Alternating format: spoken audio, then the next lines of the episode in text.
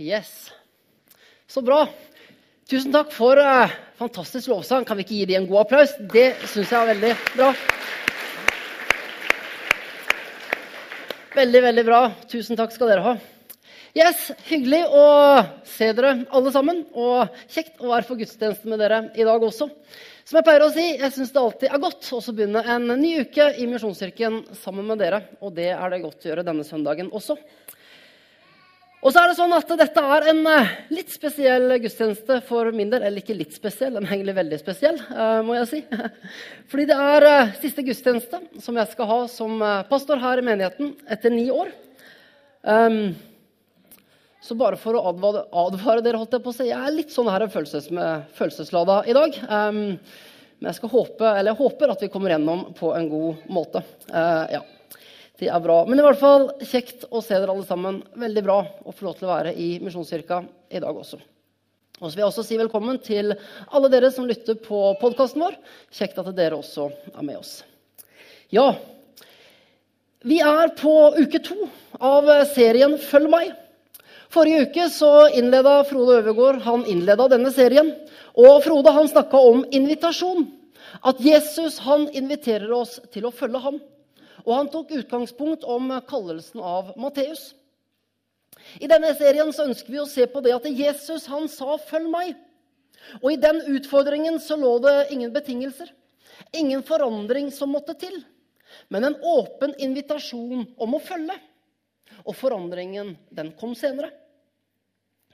I dag så skal vi snakke videre om 'følg meg', og vi skal se på oppdraget i forhold til det, og at vi er kalt for en hensikt.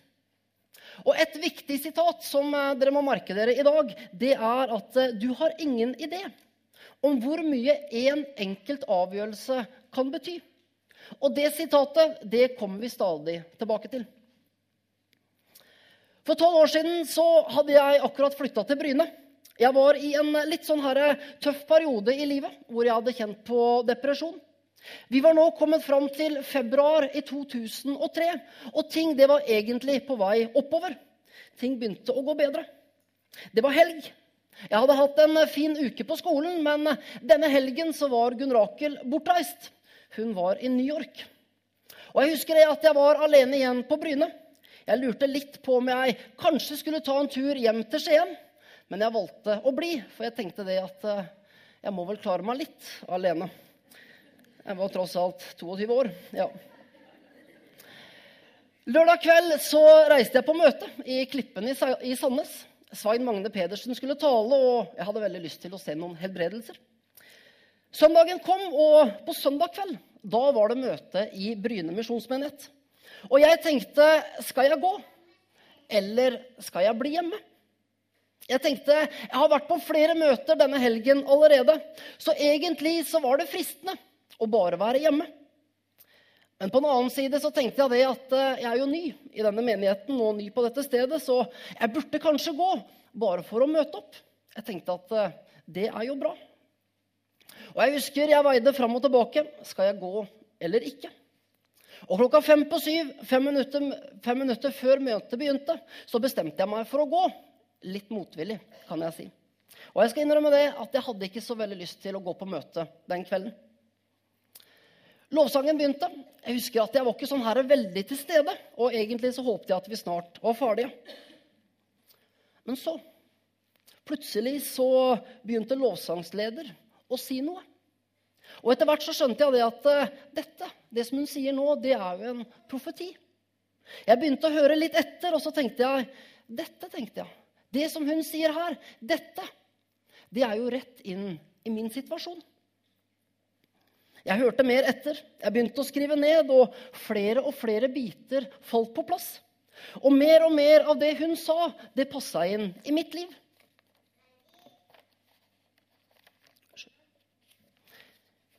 Som sagt, mer og mer av det hun sa, det passa inn i mitt liv. Lovsangen den går etter hvert mot slutten.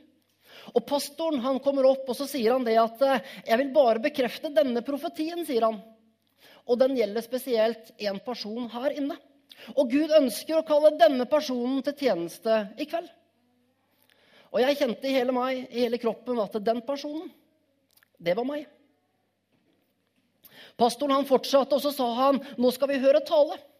Men det er viktig at eh, vedkommende gir en respons på dette senere i møtet. Talen gikk, og etter hvert så ble det invitert til forbønn. Og jeg gikk fram til forbønn. Jeg ble bedt for, og pastoren han ba for det som hadde vært vanskelig. Den tøffe perioden som jeg hadde gått igjennom. Og en del ting falt på plass i forhold til det. Og pastoren han ba også for min framtid og kommende tjeneste. Før denne kvelden så, jeg, så var, denne kvelden så hadde jeg vært fryktelig usikker på mange ting. Jeg var usikker på min framtid. Jeg var usikker på om jeg skulle ut i tjeneste. Jeg var usikker på hva jeg skulle med livet mitt. Om jeg var god nok. Og mye annet. Men den kvelden, på ett enkelt møte, så falt enormt mange ting på plass. Og det har vært med å sette retning for meg siden. Og det har også vært med å føre meg hit jeg er i dag. Og så kommer poenget mitt. Vi vet ikke hvor mye en enkelt hendelse eller hvor mye et enkelt valg kan bety. Vi vet ikke hvilken kraft som kan ligge i én en enkel avgjørelse. Jeg var fryktelig usikker på om jeg skulle gå på møte den kvelden eller ikke. Jeg hadde egentlig tenkt å være hjemme. Men jeg tok et valg. Jeg valgte å gå. Og det har betydd enormt mye for meg siden. For det møtet den kvelden, det ga meg en, ny, det ga meg en bekreftelse. Det ga meg en ny start om å følge Jesus. Det ga meg en trygghet som har fulgt meg siden. Og mange ganger, ofte, så tenker jeg tilbake på det møtet og den avgjørelsen som jeg tok om faktisk å gå på møte den kvelden. I dag skal vi holde oss til en historie som vi leser om i Lukas kapittel 5 og fra vers 1. Denne historien den er omtalt i alle de fire evangeliene. Det betyr at historien den er skrevet ned av fire forskjellige personer som har omtalt den på litt forskjellige måter. Men essensen av historien, det er den samme. Som sagt, vi skal se på Lukas sin versjon. Men før det så skal vi se hva Matteus skriver om dette. Og Matteus han skriver en gang Jesus gikk langs Galileasjøen, fikk han se to brødre. Simon, som kalles Peter, og hans bror Andreas. De var i ferd med å kaste not i sjøen, for de var fiskere. Han sa til dem, 'Kom, følg meg, så vil jeg gjøre dere til menneskefiskere.' Og straks lot de garnet ligge og fulgte ham. I Matteus sin versjon så sier Jesus, 'Stå på jobb. Bli med meg.' Og brødrene, de gikk. Men det stopper ikke der. Det blir verre. For videre i vers 21 så står det da han gikk videre, fikk han se to andre brødre. Jakob, sønnen av Sebedeus, og broren Johannes.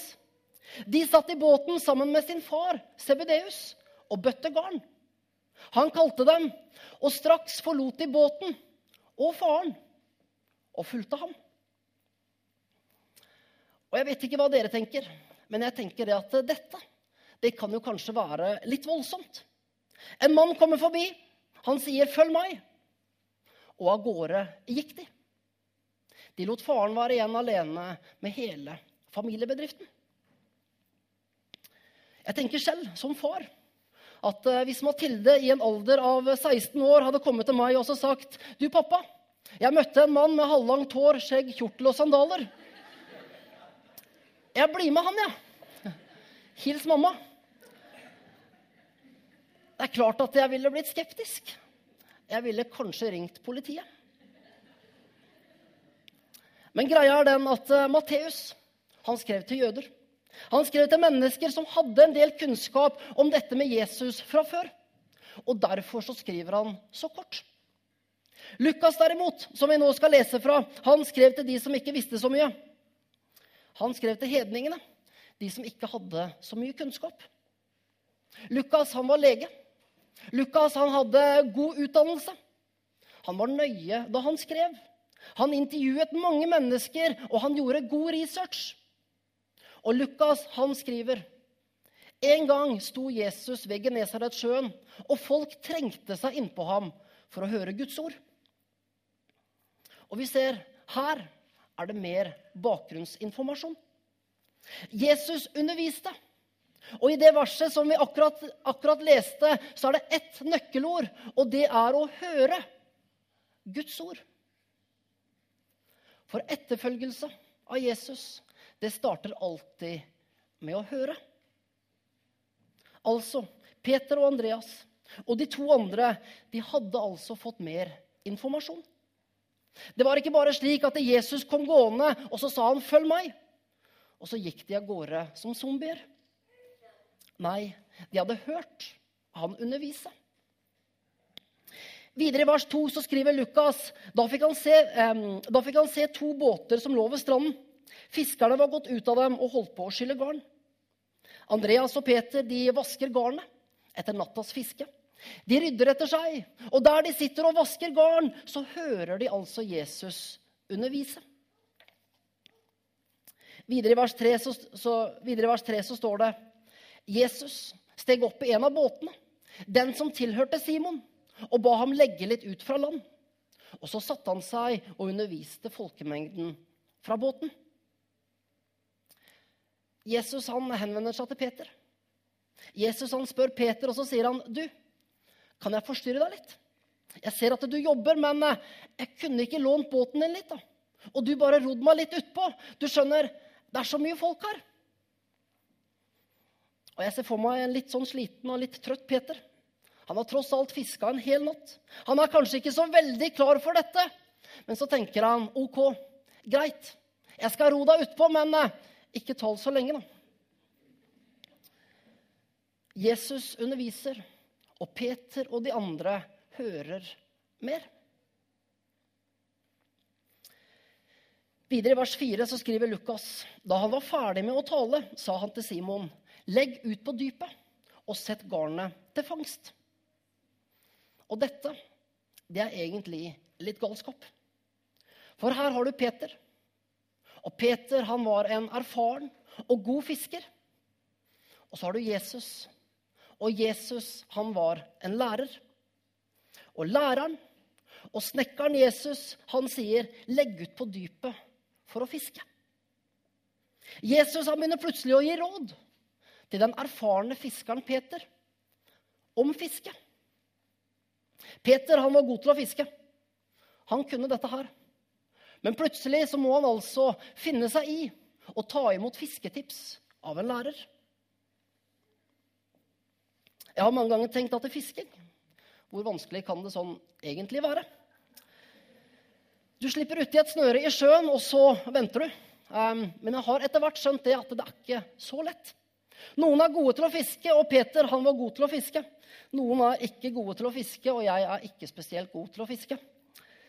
Jeg husker da jeg var tolv år gammel, så heiv jeg kroken i nakken på søstera mi. Den satte seg heldigvis fast i kragen på jakka og ikke i selve nakken. Eh, da fikk jeg beskjed av pappa om å ta meg fem minutter timeout før jeg fikk fiske videre. For noen år siden så var meg og en kompis vi var ute og fiska i Grimstad. Vi rodde langt ut, og vi hadde bare horisonten foran oss. Da vi rundt midnatt bestemte oss for å ro innover, så var det motvind og bølger. Jeg husker at jeg skulle ro, men ved ett tak så bomma jeg på vannet. Og med ingen motstand i årene så falt jeg bakover, slo hodet i båten, og så mista vi begge årene. Og da satt vi med Danmark rett foran oss, uh, uten årer. Og i sommer så gikk det slik. Når uh, Joakim, broren min og, når Joachim, broren min og meg var på fisketur Jeg vet ikke om dere ser det så godt på det bildet, men i hvert fall kroken den har gått gjennom tommelen. Så hvis noen har lyst til å ta meg med på fisketur, eh, så er jeg veldig klar for det. Jeg har fri i morgen. Hvis noen har fri i morgen, så er jeg veldig klar for det. Ja. Men i hvert fall, som du sikkert skjønner, det ville ikke vært noen god idé at jeg skulle gi fisketips til f.eks. Lars Monsen. Men det er akkurat det Jesus gjør her. Læreren Jesus han kommer til den erfarne fiskeren Peter, og så gir han fisketips. Men så kommer poenget mitt. Jesus han ber Peter om å gjøre noe han har gjort tusen ganger tidligere. Men han bepeter om å gjøre det på en annen måte enn hva han hadde gjort før. I vers 5 så leser vi hvordan Peter svarte. Mester, svarte Simon.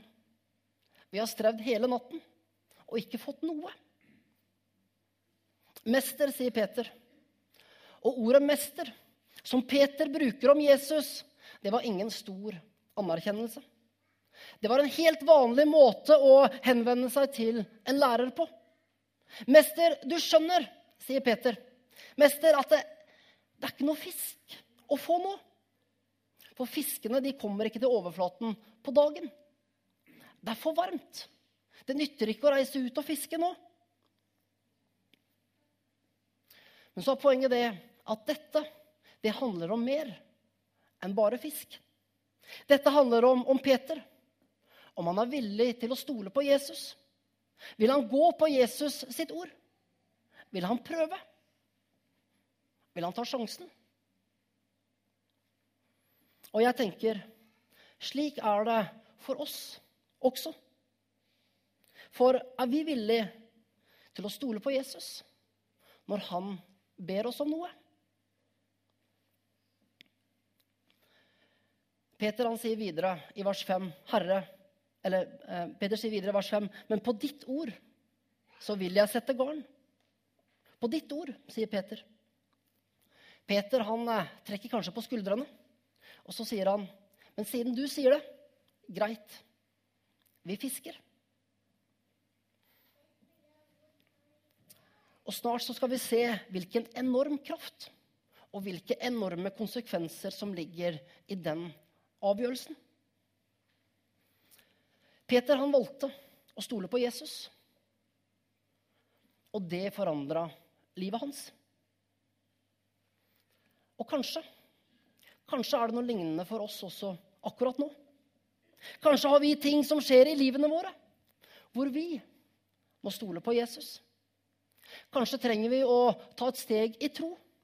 Legge ut på dypet. Se hva som skjer. For vi aner ikke hvilken kraft og hvilke muligheter som kan ligge i én en enkel avgjørelse. Tenk hvilke konsekvenser den avgjørelsen fikk for Peter.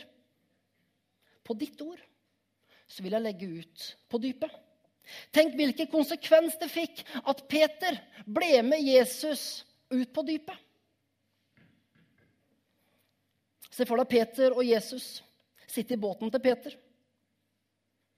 Og i et lite øyeblikk så drar Jesus gardinet til siden. Og så viser han Peter framtiden. Se for deg Jesus som sier til Peter, 'Du, Peter', sier han, 'jeg har vært en tur i framtiden. Jeg vet en del ting.' Og La oss se for oss, for oss Jesus som viser Peter framtiden. Og Jesus han sier, 'Ser du den kirken der?' Den heter Peterskirken. Oppkalt etter deg. Et av verdens flotteste bygg. De bygde den kirken på din gravplass. Det tok 180 år å bygge den kirken. Og om 2000 år så vil mennesker fra hele verden besøke denne kirken. Og de vil bli minnet om deg. Mennesker vil i framtiden snakke om Sankt Peter. Det er deg. Mennesker vil kalle barna sine for Peter, oppkalt etter deg. Peter, vil Jesus si, du skal bringe evangeliet videre. Så når mennesker om 2000 år hører denne historien bli fortalt, så er det fordi du begynte. I framtiden i framtiden vil mennesker snakke om denne spesielle fisketuren. Tenk hvilken konsekvens den fisketuren fikk for Peter. Og det hele begynte med Jesus som sier, 'Peter, vil du være med ut og fiske?' Peter han ante ikke hvilken konsekvens den fisketuren skulle få. Peter visste ikke hvilken kraft som hang i den avgjørelsen. Tenk, Bare tenk om Peter hadde sagt nei. Tenk om Peter hadde sagt nei, jeg vil ikke fiske nå. Jeg er for trøtt. Jeg skal fiske igjen i kveld. I vers 6 så leser vi hvordan historien ender. Så gjorde de det. Altså, de reiste ut og fiska. Og de fikk så mye fisk at garnet holdt på å revne. Et nøkkelord fra vers 6 det er 'så gjorde de'. Altså det. De gjorde noe. De tenkte ikke at de skulle gjøre som Jesus sa. De følte ikke at de skulle gjøre som Jesus sa. Men de gjorde som Jesus sa. Og Fra vers 8 til 11 så leser vi hvordan historien ender. Da Simon Peter så det, altså fiskefangsten, kastet han seg ned for Jesu føtter og sa, 'Gå fra meg, Herre, for jeg er en syndig mann.' For han og alle som var med han, ble, ble grepet av forferdelse over den fangsten de hadde fått. På samme måte var det med Sebedeus-sønnene Jakob og Johannes, som fisket sammen med Simon. Men Jesus sa til Simon, 'Vær ikke redd. Fra nå av skal du fange mennesker.' Så rodde de båtene i land, forlot alt og fulgte ham. Peter han sier 'Herre'. Herre, sier Peter. Ikke lenger bare mester, som i tidligere vers. For Peter han skjønte det at Jesus han var unik. Jesus det var ikke en i mengden, men det var noe spesielt med Jesus. De forlot alt, og de fulgte. Peter han kjente igjen sin egen synd. Han gjorde Jesus til herre i sitt liv. Han begynte å følge, og en enormt spennende reise kunne begynne. Men det begynte med noe enkelt. Ut på fisketur. Og etterfølgelse av Jesus det begynner med noen enkle steg. Det begynte med noen enkle steg for Peter, og det begynner med noen enkle steg for meg og for deg. Og så er utfordringen som jeg har lyst til å gi til oss i dag, det er hvilke steg skal du ta? Hvilke steg skal du ta? Og avslutning, Avslutningsvis nå så skal jeg dele med dere fem steg som vi kan ta i retning av Jesus. Og når jeg går gjennom disse stegene, så tenk. Tenk hvilke steg du skal ta. For det første, steg én sitt og lytt. Jesu etterfølgelse det begynner med informasjon. Det begynner med å lære mer. Lytte til forkynnelse. Gå på møter. Lese bøker som handler om Jesus. Lære mer om ham. Og kanskje er du i den fasen at du skal sitte og lytte for å lære mer. Og ta et steg i den retningen. For det andre, et steg som du kanskje trenger å ta, det er å låne ham en båt. Jesus han sa til Peter, 'Kan jeg forstyrre deg litt? Kan vi henge litt?' Kanskje er det noe som Jesus spør deg om også. Kanskje skal du ta en avgjørelse om å bruke litt tid med Jesus hver dag. Be, lese i Bibelen for å lære Jesus bedre å kjenne. For det tredje kanskje skal du ta et steg om å ta med Jesus på fisketur. Og Det kan bety å gjøre noe som du har gjort tusen ganger tidligere. Men gjøre det på en annen måte. Gjøre det på Guds måte. Kanskje i forhold til eh, relasjoner. Hvordan du behandler mennesker. Kanskje dine nærmeste. Kanskje er det ting i dine relasjoner som er vanskelig. Kanskje skal du gjøre ting på en annen måte. Kanskje skal du bruke og forvalte økonomi annerledes. Hvilke avgjørelser og hvilke handlinger er det du har gjort tusen ganger tidligere, som du kanskje må gjøre på en annen måte? På Guds måte? For det fjerde la garnet ligge. Forrige uke så hørte vi om Matteus. Og Matteus lot tollboden stå igjen. Gjennom sitt arbeid som toller så behandlet han mennesker galt. Han var en tyv. Da han begynte å følge Jesus, så lot han tollboden stå igjen. Og det gamle være tilbake. Hva er det du og jeg Hva er det vi trenger å legge fra oss? Hvilke synd trenger vi å gjøre opp med? Og hvilke steg i retning av Jesus skal vi ta i forhold til det? Så det femte steget som vi kan ta fiske etter mennesker. Kaller Jesus deg til å bry deg mer om mennesker som enda ikke tror? Kaller Jesus deg til å be for og vise mennesker hvem Jesus er? Invitere nye mennesker til kirka? Invitere naboene på middag? Vise kjærlighet til andre mennesker og elske mennesker inn i himmelen? Troen vår, den er personlig. Men troen er ikke ment å være privat. Gud ønsker å bruke deg, for du og jeg, for vi er kalt med en hensikt. For 13 år siden så gikk jeg skjelvende og nervøs opp gangen på internatet på Ansgarskolen. Målet det var å banke på døra til Gunn Rakel, og så skulle jeg spørre om vi skulle bli kjærester. Jeg ante ikke da hvilken konsekvens og hvordan den kvelden skulle prege resten av mitt liv. For vi aner ikke hvilken konsekvens som kan ligge i en liten handling eller i et lite valg. For ni år siden så fikk jeg en telefon om jeg kunne tenke meg en vikarstilling her i Misjonskirken Stavanger. Et steg inn i noe ukjent. Jeg måtte forlate noe av det trygge som jeg sto i. Men jeg valgte å gå. Og jeg ante ikke da at de neste årene skulle bli de mest spennende årene i mitt liv og min tjeneste. Med fantastiske mennesker.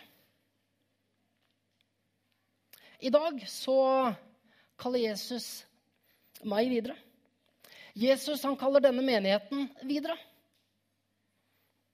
Og Jesus kaller deg.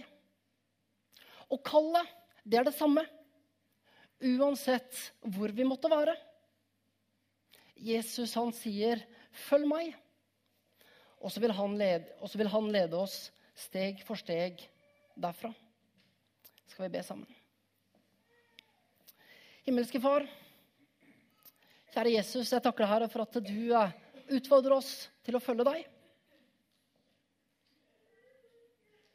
Og Jesus, jeg ber Herre at du skal kalle på oss alle sammen. Herre, du ser eh, hvor vi er i våre liv. Du ser hvilke steg som vi skal ta i retning av deg. Jesus, jeg ber Herre at du skal lede oss steg for steg herfra. Takk, Jesus. Takk, Herre, for at du er trofast. Og du som kaller oss ut på dypet. Du er trofast, og du forlater oss aldri der.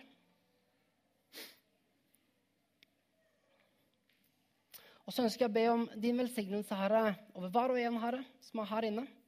Din velsignelse over denne menigheten. I Jesu navn. Amen.